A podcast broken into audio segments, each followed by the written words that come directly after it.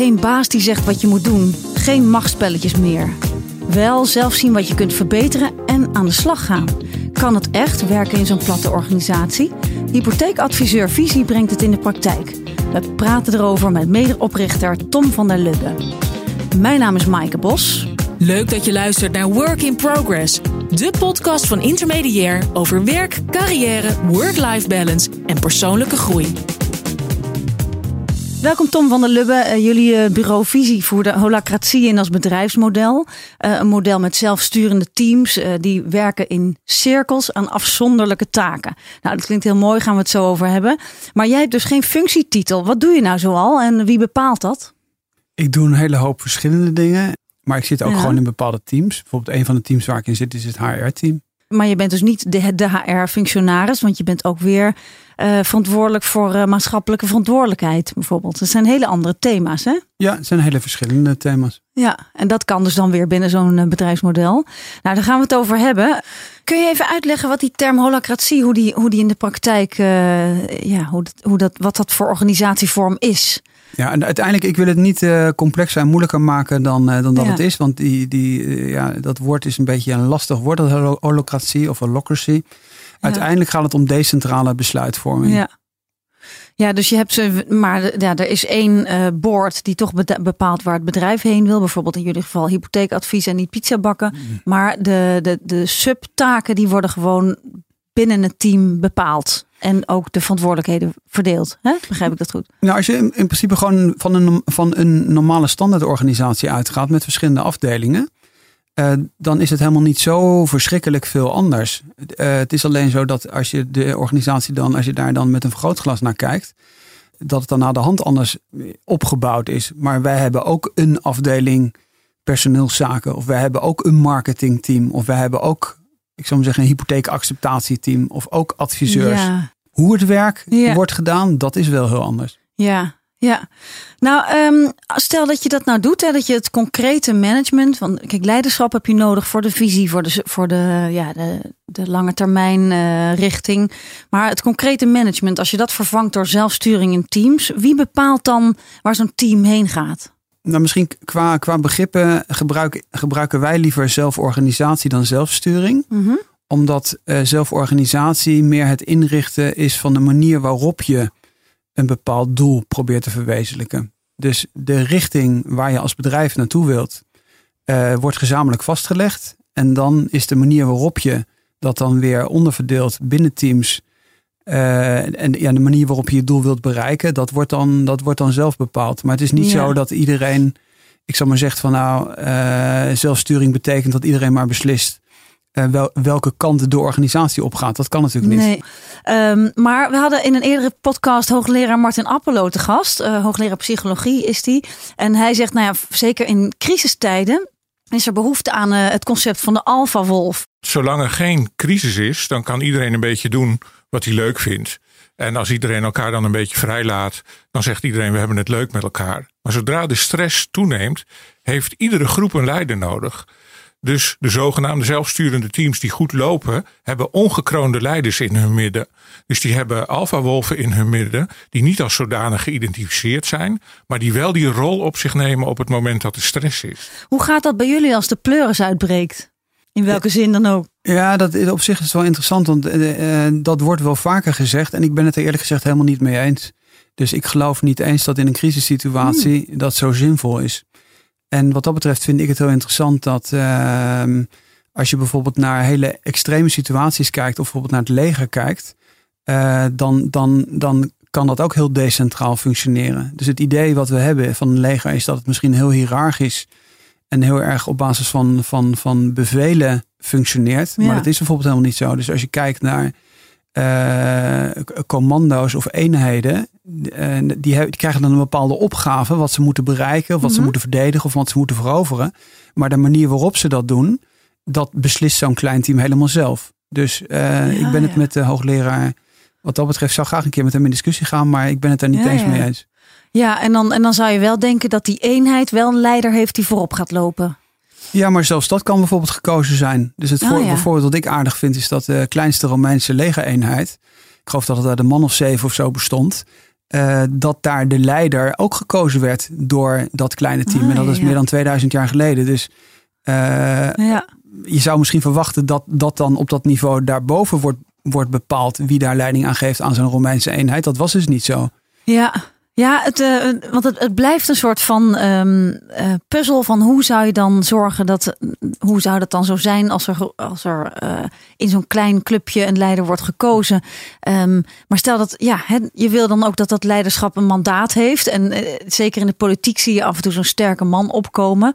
Kennelijk heerst nog steeds het idee dat als er iets echt moet gebeuren of als het zwaar gaat, dan, dan komt er zo'n Trump op. En die, die, die moet dan de boel redden. Maar dat hele idee van sterke man is dus volgens jou volledig overbodig. Eh, ja, en ik vind het ook interessant. Bijvoorbeeld als in, in de managementdiscussie wordt, wordt dat inderdaad vaak geroepen. Eh, zelfs door hoogleraren. Die hebben het dan over een sterke CEO. Ik ben een heel groot voorstander eh, als historicus van het, het, het, het staatsbestel, om dat als uitgangspunt te noemen. En, en als iemand roept, we hebben een hele sterke man nodig, dan, dan heb ik onmiddellijk de associatie. En als ik in het Duits zeg, we brauchen einen starken Führer, dan, dan krijgt iedereen kippenvel. Ja. En dan zou je zeggen van nou, dat, dat willen we in een staat eigenlijk ook helemaal niet hebben. En we geloven ook helemaal niet dat een Trump de oplossing is voor de, voor de problemen. Nee. Daar zullen wij niet zo snel afstand nemen van ons gelaagde democratische bestel. Daar zullen wij ook zeggen nee. Eh, we vinden dat heel goed dat de discussie plaatsvindt in de Tweede Kamer of op de Ja. la- lagen daaronder. Dan gaan we ook niet lopen roepen. We hebben problemen. Nou moeten we een hele sterke man eh, hebben die een soort dictatoriale bevoegdheden Ja. van ons krijgt en dan de problemen voor ons gaat oplossen Ja. als burgers. Eh, Je haalt het, het staatsbestel erbij. Hè? In, de staat is ook ge- georganiseerd in de Tweede Kamer, maar ook op lager niveau in, in provincies en in gemeenteraden. Daar worden ook allemaal eigenstandige beslissingen genomen. Dus eigenlijk is dat, als ik nou vraag, eh, eh, iedereen leider, hoe doe je dat? Dan, dan zeg je, dan wijs jij gewoon naar de politiek. Nou, ik noem het gewoon als voorbeeld, omdat Mhm. eh, daar zouden we niet zo snel roepen naar een sterke leider. Maar wat je bijvoorbeeld ook ziet, er zijn een aantal bedrijven die op een gegeven moment zelforganisatie hebben ingevoerd. En het, het, het aardige is dat het ingevoerd is op het moment dat ze juist in een crisis terechtkwamen. Oh ja, En het- welke bedrijven zijn dat? Eh, ik heb dat niet precies in mijn hoofd, maar je zou dat in principe gewoon eens kunnen googlen. Maar op zich is het ook op zich wel logisch. Dus op het moment dat er een crisis is en je zou bijvoorbeeld een bepaald aantal mensen moeten ontslaan om het bedrijf te redden, dan is de vraag: eh, eh, laat je dat één persoon beslissen en die neemt een Excel-lijst en die zet dan kruisjes of plusjes of minnetjes achternamen? Of zou je al je mensen bij elkaar roepen, het probleem uitleggen, dan zeggen dan moet er 20% uit. Hoe gaan we dat oplossen? En daar is bijvoorbeeld ook wel onderzoek naar gedaan. Dat mensen Ja. dan, als ze dat dan weten, zeggen van nou, ik zou wel, ik zou wel zoveel procent minder kunnen werken. De mensen gaan met elkaar in gesprek. Ja. Die zeggen wellicht, ik heb een partner eh, die een hele goede baan heeft. Ik zou zelfs 50% kunnen werken. En dan blijkt best dat, dat dan in zo'n organisatie eh, die teams tot veel betere oplossingen komen. Omdat ze met elkaar in gesprek gaan. ja. En dat veel socialer is. Work in progress.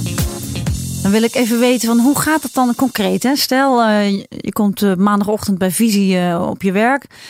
Stel, ik ben dat. Wat, wat ga ik dan doen? Wie let er dan op mij? En, en waar geef ik dan bijvoorbeeld meer gas en waar minder? Hoe gaat dat dan, zo'n zo'n ochtend? Nou, als je binnenkomt, het maakt niet zo heel veel uit of het maandag, dinsdag of woensdag is. Dan Ja. begint de dag uiteindelijk gewoon met een dagstart. Eh, en dat zal gewoon in de meeste MKB-bedrijven ook het geval zijn. Dat mensen binnenkomen en zeggen van, hé, hey, wat moet er vandaag gedaan worden? Het werk verdeeld wordt. En dan zijn er mensen die zeggen, ik heb te veel. En andere mensen zeggen, ik heb te weinig. En dan, dan, wordt, het, ja, dan wordt het geleveld, zal ik maar zeggen. En dan wordt gekeken, wat kan ik van iemand overnemen? En dan, dan, gaat, men, dan gaat men in principe aan de slag.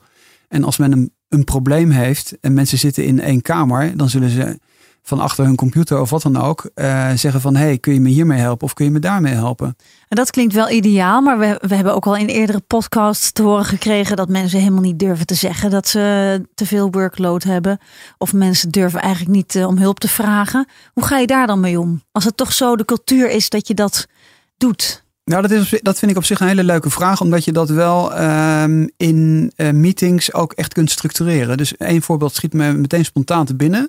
Wij hebben in onze standaardagenda van, de, van het werkoverleg hebben wij een, een eh, element in, of een agendapunt, en dat heet Eat the Frog. En Eat the Hmm. Frog is eh, in het begin van de dag En dat is iets, een kikker die je moet eten waar je tegenop ziet. En Mm. de neiging van iedereen is dat wat je het lastigste of het meest vervelende vindt, dat je dat de hele dag uitstelt. Ja. Dat kost heel veel productiviteit. Ja. En doordat dat als vast agendapunt op, eh, in die meeting ter sprake komt eh, en iedereen daar even antwoord op moet geven, eh, dwing je elkaar of jezelf eigenlijk Oh. ook te zeggen: hé, hey, ik loop hier tegen me tegenaan.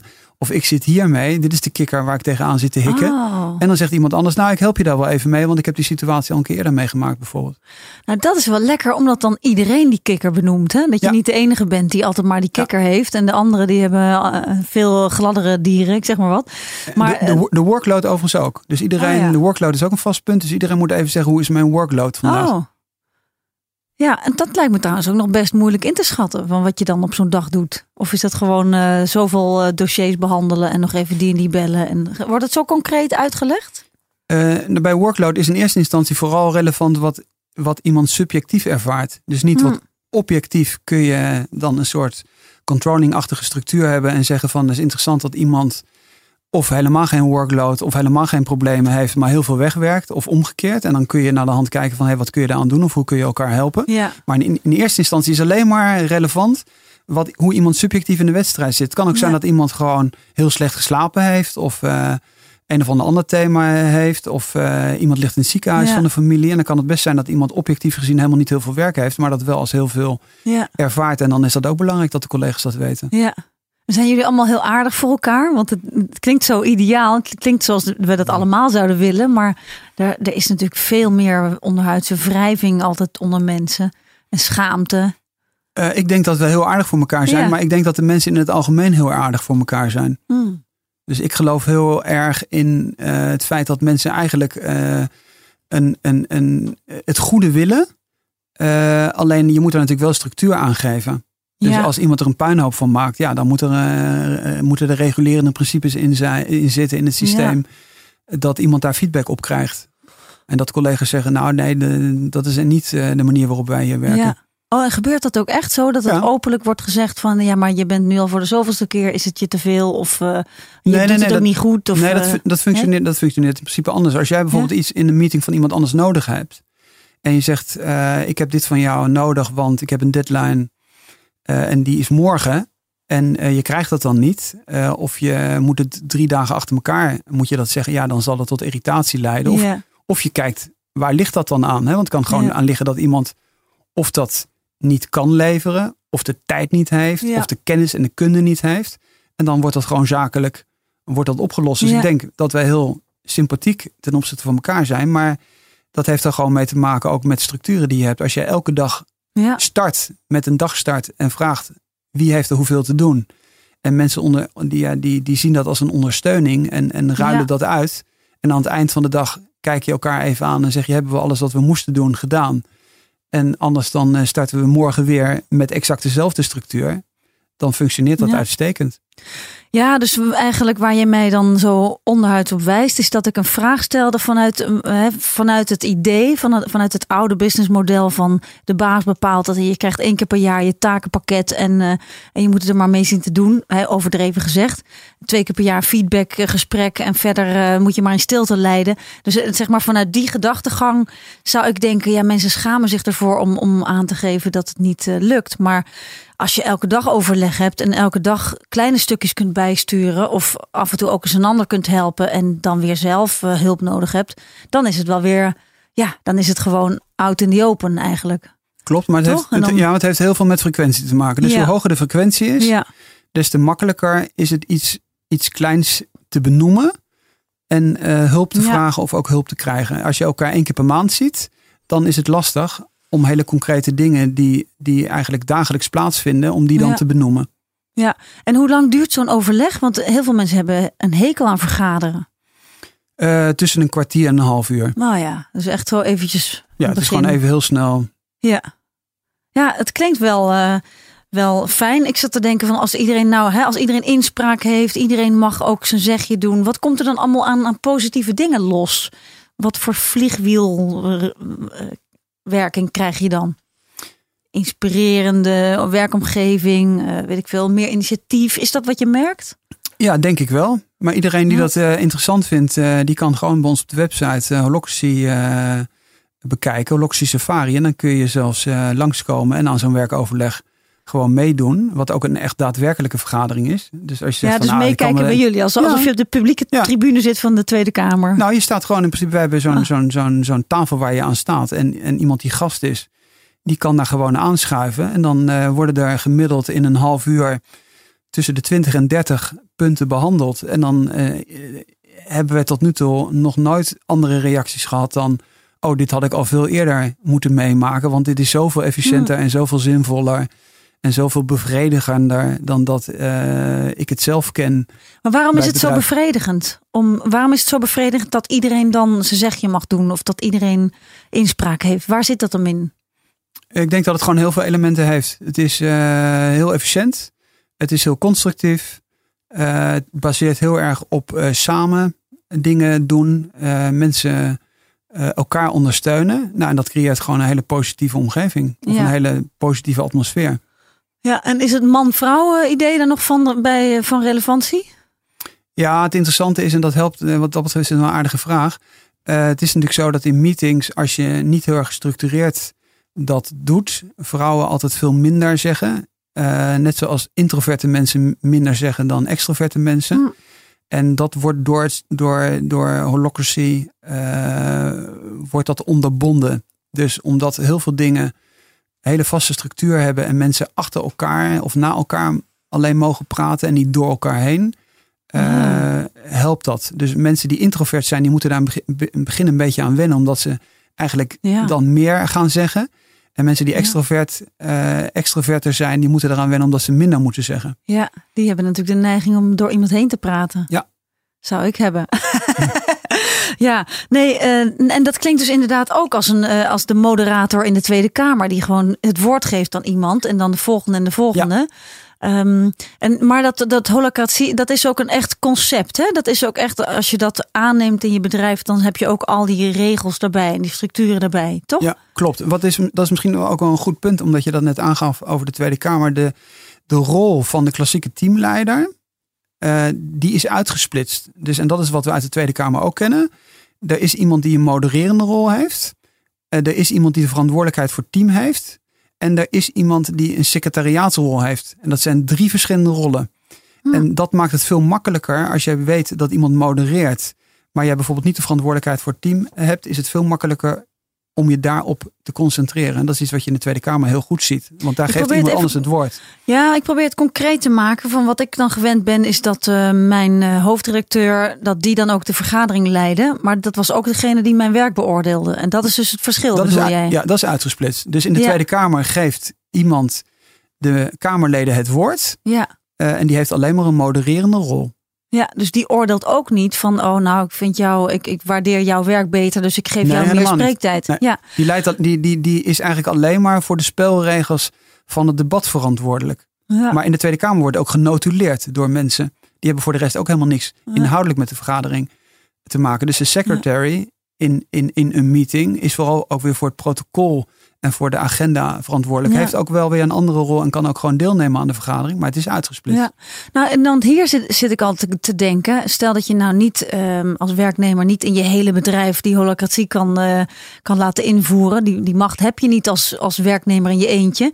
Maar je zou wel met je team bijvoorbeeld dit soort elementen kunnen opnemen van eh, de vergadering laten we door iemand anders leiden, of, hè, modereren. En, eh, en, en niet door de manager of zo. Dat zijn, dat zijn van die dingen, daar, kun je al, eh, daar kan je al iets mee beginnen misschien. Maar het is in het verleden eh, ook in heel veel situaties ook gewoon zo geweest. Hmm. Dus als bijvoorbeeld bepaalde bedrijven grote vergaderingen hebben, of familiebedrijven of grote corporates, dan kan het zijn dat, een, dat iemand speciaal ingehuurd wordt om alleen een modererende rol te vervullen. Oh ja. Of ehm, eh, in heel veel bedrijven of structuren zal er in het verleden de secretaresse degene zijn geweest die het protocol gedaan heeft van de vergadering. Ja. En voor de rest niet meegediscussieerd hebben. Ja. Dus wat dat betreft is het helemaal niet niks nieuws. ja. Work in progress. Wat is nou het concrete voordeel van deze methode? Dat iedereen inspraak heeft en dat, de, dat de, het leiderschap niet zo top-down is. Eh, zou je bijvoorbeeld economisch eh groter resultaat krijgen als je allemaal zo werkt? Want heel veel bedrijven geloven er niet in. Die houden vast aan die structuur van, uh, van lager, midden en hoger management? Um, ja, hoewel ik denk dat inmiddels wel um, bijna common sense geworden is dat, kijk maar naar de hele agile beweging, uh, dat, ja, dat uiteindelijk decentrale besluitvorming in een, een wereld die steeds sneller verandert, uh, eigenlijk een soort voorwaarde geworden is om je, om je snel genoeg te kunnen aanpassen.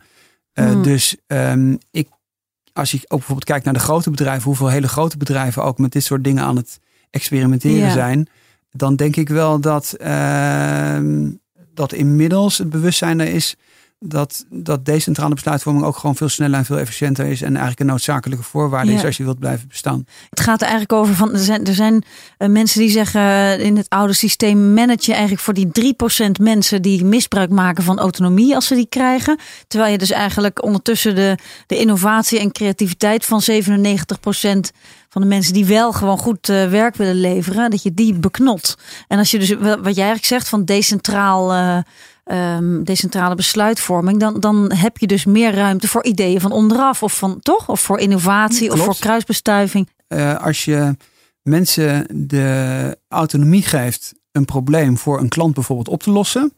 En wat een hele hoop mensen kennen is bijvoorbeeld als jij in een hotel binnenkomt en er klopt iets niet. Dan, dan, dan soms merk je dat iemand die daar achter die receptie staat, die mag het wel oplossen. Hmm. En, en, en soms krijg je alleen maar antwoorden waaruit blijkt dat iemand helemaal niks zelf kan beslissen. Ja, ja, ja. En, en dat is natuurlijk op een hele hoop gebieden is dat net zo. Als jij een restaurant binnenkomt en er gaat iets fout en iemand mag jou wel een espresso geven. Of je wel een, Ja. een, een, een drankje aanbieden, eh, dan, dan, dan wordt het probleem opgelost. ja. Mag diegene dat niet, eh, dan zeg je nou, eh, daar ga ik nooit meer naartoe. Daar ga ik niet nog een keer eten. Dus ik, Maar ik, dat ik denk dat het niet zo klant? complex is. Maar ook voor die, voor die medewerker die dan wel dat kopje koffie mag aanbieden, heeft die dan meer het gevoel van ik heb, eh, ik heb het binnen handbereik om mijn eigen problemen op te lossen? Brengt dat iets, iets meer in hem los? Nou, ik neem bewust een heel simpel voorbeeld. Maar als ik in een restaurant zou werken en er gaat iets fout en ik kan iemand wel een kopje koffie aanbieden, dan zou ik daar zelf een prettiger gevoel bij hebben dan dat ik weet dat ik dat niet mag. Ja.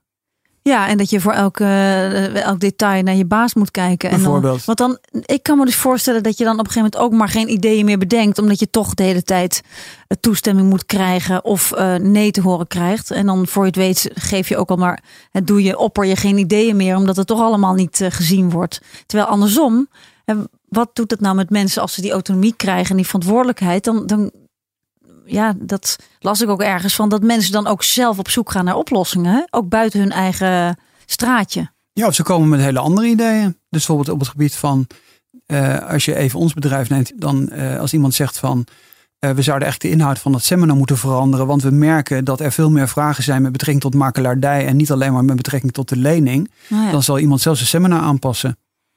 Ja, eh, en wat ik ook zou denken, van daar zit natuurlijk ook de innovatie in. Dat je de vraag uit de markt, dat je die integreert en dat je daar wat mee doet. En als je dat dan inderdaad helemaal niet kan verwerken in, eh, in jouw werk, dan, dan stop je daar ook maar mee om, om daarnaar te luisteren. Dus toch, zo begrijp ik het. Ja, maar dat is, Van- dat is natuurlijk. dat, maar is hoe je je aanpast op nieuwe ontwikkelingen. Ja, maar dat zou in een restaurant net zo zijn. Als jij merkt op een gegeven moment dat er een grotere vraag is naar, eh, weet ik veel wat, vegetarische gerechten, omdat iemand ernaar vraagt. Eh, dan zul jij eh, tegen je collega zeggen, jongens, we moeten die menukaart aanpassen. Ja, ik- las ergens op de website van intrinsiek gemotiveerde mensen houden zich niet aan functiebeschrijvingen, maar gaan samen met collega's continu op zoek naar hoe alles beter en efficiënter kan. De juiste mensen managen zichzelf. Dan heb je natuurlijk ook wel de vraag van Mooi, de juiste. Ja, prachtig. Maar dan denk ik, ja, niet iedereen is de juiste mensen natuurlijk. Hè? Er zijn ook Eh, mensen die dat gewoon niet, die willen niet dat allemaal bepalen en die hebben geen idee. Of eh, Dat, eh, dat weet ik niet. Nee? Ik, nee, ik zou zelfs zeggen, hier voor de discussie ben ik het niet, eh, niet mee eens. Ik denk, ik denk dat uiteindelijk mensen eigenlijk allemaal intrinsiek gemotiveerd zijn om dingen beter te doen. Omdat iedereen eigenlijk bevrediging uit zijn werk wil halen. Alleen eh, wat je natuurlijk ziet is dat als mensen in structuren zitten waar ze heel lang niks meer hebben mogen zeggen. Dan Mhm. gaan ze zich op een gegeven moment ook zo gedragen. ja, Hè, dat is hetzelfde bij kinderen die, eh, die, eh, die naar school gaan. Die, daar zijn van die leuke video, video's op, op YouTube staan daar. Dat kinderen als ze heel klein zijn en ze, en ze zijn nog niet lang op school, dan komen ze met heel veel oplossingen. Eh, en hoe ouder ze worden, des te geringer wordt het aantal oplossingen wat ze weten te Mm. bedenken. Omdat er al- altijd maar één goed antwoord is, omdat er een rode streep door een hele hoop andere Ja. varianten gaat. ja. Oh, daar word ik dan weer heel verdrietig van als ik dat zo hoor. Want Ja, zo, dat- zo zijn wij georganiseerd eigenlijk in, in de westerse wereld zou je bijna kunnen zeggen. Ja, wel natuurlijk in het, in het onderwijs zie je, zie je dat kinderen heel erg vindingrijk zijn en allerlei dingen Ja. met elkaar combineren. En dan, en dan zeggen wij, eh, mij viel het kort geleden op met kinderen, omdat ik twee hele kleine kinderen heb, die waren met Lego aan het spelen en die waren een auto en een vliegtuig aan het combineren. En mijn eerste instantie was, ja, maar dat hoort niet bij elkaar. Ja, Terwijl je op dit moment natuurlijk innovatie ziet, dat exact dat gebeurt. Oh dat, dat, dat vliegtuigen en auto's gecombineerd worden tot nieuwe mobiliteit. En ik betrapte me daar zelf op dat mijn eerste reactie was, nee, daar moeten wielen onder en je kunt niet een vliegtuig met een auto combineren. ja, terwijl een auto met een boot al lang gecombineerd Bijvoorbeeld, zijn. ja, en dan, dan zeggen we dat het in- en dan zeggen we dat het innovatie is. Ja, jongen. Ja, nou, maar ik kan me dus ook voorstellen, het- het is heel fijn als iemand zegt van nou, dit is hoe het goed gaat en dit, eh, zo gaat het niet goed, dus we doen het zo. Maar je hebt natuurlijk, als, als iedereen zelf mag meebepalen, dan heb je ook dingen als, ehm, ja, wat als iemand aan zelfoverschatting leidt en denkt, hey, weet je wat, ik neem die rol ook op me, want dat lijkt me gewoon leuk, maar die kan het eigenlijk niet. Wat doe je dan? Nou, als je natuurlijk iets wilt doen en je hebt een dagelijkse meeting, dan hoort het natuurlijk wel bij de cultuur dat als je elkaar elke dag ziet, dat je dat in die meeting op de agenda zet. Want het zou heel gek zijn als je elke dag met elkaar praat, dat je dan in één keer iets gaat doen waarvan die collega's dan volgende ochtend zeggen, hey, we hebben gisteren morgen hebben we hier ook onze meeting gehad. Had je dat niet even op de agenda kunnen zetten? Dan hadden we geweten wat jij, wat jij graag zou willen doen. En dan, en dan eh, is dat natuurlijk een beetje eigenaardig. Zie je elkaar één keer in de drie maanden, ja, dan is het wel logisch dat dingen misschien opgepakt worden door mensen die misschien eh, eerst wat feedback hadden, hadden, Ja. hadden kunnen vragen van hun collega's. Ja, maar het is ook moeilijk om iemand, eh, weet je wel, eh, iets voor de voeten te werpen en te zeggen van nou, jij, doe, doe dat maar niet, want ik denk niet dat jij dat kan. Eh, nee, maar de, de logica is wel dat je dat, ehm, ik zou hem zeggen, rollen zoals dat binnen holocracy heet, wat in principe stukjes van functies zijn. Dat je zegt, ik wil dat thema oppakken en dan laat je jezelf toevoegen aan een rol. En dan is Door anderen dus. ja, gewoon gezamenlijk in die meeting. Hm. En, dan, en, en, en dan is duidelijk dat jij met dat thema bezig bent. Maar stel je voor, je bent heel goed in cijfers, maar je wilt eigenlijk wel eens een keer leren filmpjes maken. En je probeert ergens in de marketing of communicatiehoek terecht te komen. Maar iedereen weet dat jij geen esthetische blik hebt of eh, geen eh, gevoel voor eh, verhalen vertellen. Hoe, ja, je wil het wel, maar anderen denken, ja, die heeft het niet in zich. Hoe, hoe zorg je dan dat dat zo gereguleerd wordt zonder iemand voor de kop te stoten? Eh, weet je wat op zich wel aardig is? Want eh, dit soort vragen komen af en toe. Alleen eigenlijk is de ervaring exact omgekeerd. Eigenlijk is de ervaring dat mensen heel veel dingen kunnen. En eigenlijk de kans heel vaak niet krijgen. Ah, En, en, en eigenlijk in eerste instantie ook altijd met dingen komen. Waarvan, ze, waarvan de rest zegt van hé, dat, kunnen de, dat, dat kan die persoon juist wel heel goed. Maar heeft die kans bijvoorbeeld helemaal niet gekregen. En dat heeft een beetje ook, hangt daarmee samen.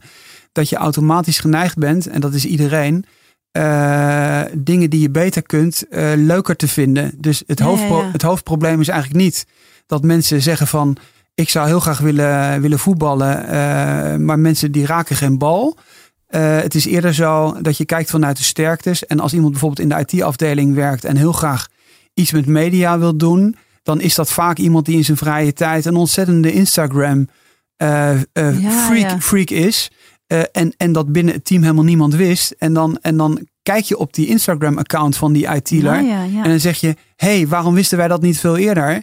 Je had je al lang moeten melden voor die Instagram rol. Of iemand schrijft, hadden we, een hadden we een keer, iemand schrijft in zijn vrije tijd een boek. Ehm, eh, dat weten wij pas op het moment dat het boek uitkomt. Ehm, eh, en diegene meldt zich niet eerder en zegt van, hé, hey, ik zou wel eens een stukje willen schrijven. Ja. Laat mij maar een blogartikel schrijven. ja, dus dat is echt gebeurd bij jullie? Ja, Ja. maar dus, ik denk dat het in elke Ja. organisatie is hoor. Dus Ja. ik denk dat in elke organisatie, als jij zou kijken wat de mensen in hun vrije tijd doen, Ja. eh, dat je erachter komt dat je immens veel dingen hebt binnen je organisatie waar je helemaal geen weet van hebt. Ja, nou dat, dat vertelde Mirjam Baars een keer in een andere podcast. Ehm, eh, de- die vertelde dus dat er ook bedrijven zijn die bijvoorbeeld eh, bordjes met de kwaliteiten van iemand op het bureau zetten. Zodat je dus ziet dat iemand niet alleen IT kan, maar ook eh, sociale media expert is. Of, of heel goed kan zeilen of zo. Dat je dat dan echt bij, bij iedereen op zijn bureau ziet staan. Om, om, ook, eh, ja, om, om ook van die meerwaarde gebruik te kunnen maken. Nou, wij hebben op zich wel aardig voorbeeld. We hebben bordjes eh, op, op, op, de, op de bureau staan. En dat is eh Strength Finder. Dus daar staan vooral dimensies ja, op. oh ja, ja. Maar ik heb, mij schiet een heel aardig voorbeeld te binnen. Ehm, met betrekking tot, tot vaardigheden. We hebben een collega die, uh, die IT bij ons doet, Maarten. En uh, op een gegeven moment waren we bezig met een, web, met een webshop, omdat wij de meeste klanten via aanbeveling krijgen. En, en, en uh, dat wisten wij toevallig, dat hij parallel een webshop heeft en Franse producten via zijn webshop verkoopt. Hmm. nou, gelukkig wisten we dat. En die jongen die vindt het natuurlijk hartstikke leuk om die webshop bijvoorbeeld te doen. En, daar, en daar voor de rest ook mee bezig te zijn. Ja. Dus je hebt dat, ja, eigenlijk, eigenlijk zou je gewoon eens mensen moeten vragen als jij naar huis gaat. Uh, waar zit jij s'avonds nog wel mee uh, vrijwillig te stoeien? Ja. Of wat doe jij, wat doe jij s'avonds vrijwillig wel? Ja. En dan zul je erachter komen dat mensen uh, verhaaltjes zitten te schrijven of met Instagram bezig zijn. Ja, ja, ja. Maar dat je dat gewoon helemaal niet weet. Er is ook wel een beetje een tegenbeweging om een beetje richting het einde te gaan. Er is bijvoorbeeld bij media startup Medium van Twitter-oprichter Evan Williams. Die, uh, die heeft bedacht dat hij het te tijdrovend vindt om al die kleine teams te coördineren. En bij Google wordt er iets meer structuur aangebracht. Het is ook een soort slingerbeweging. Hoe zie, hoe zie jij de toekomst in? Gaat het alleen maar meer richting platte organisaties of komt er ook wel weer een tegenbeweging? Ik denk uiteindelijk onder de streep dat decentrale besluitvorming alleen maar zal toenemen omdat in een wereld die steeds complexer wordt en steeds sneller om vraagt dat uh, je je aanpast, uh, dat helemaal niet anders kan. Ja. ja. Dus, maar, je, maar je zult altijd situaties hebben waar tussendoor bedrijven weer dingen corrigeren. Ja. ja, en dat is ook wel goed, want daarmee zoek je de balans.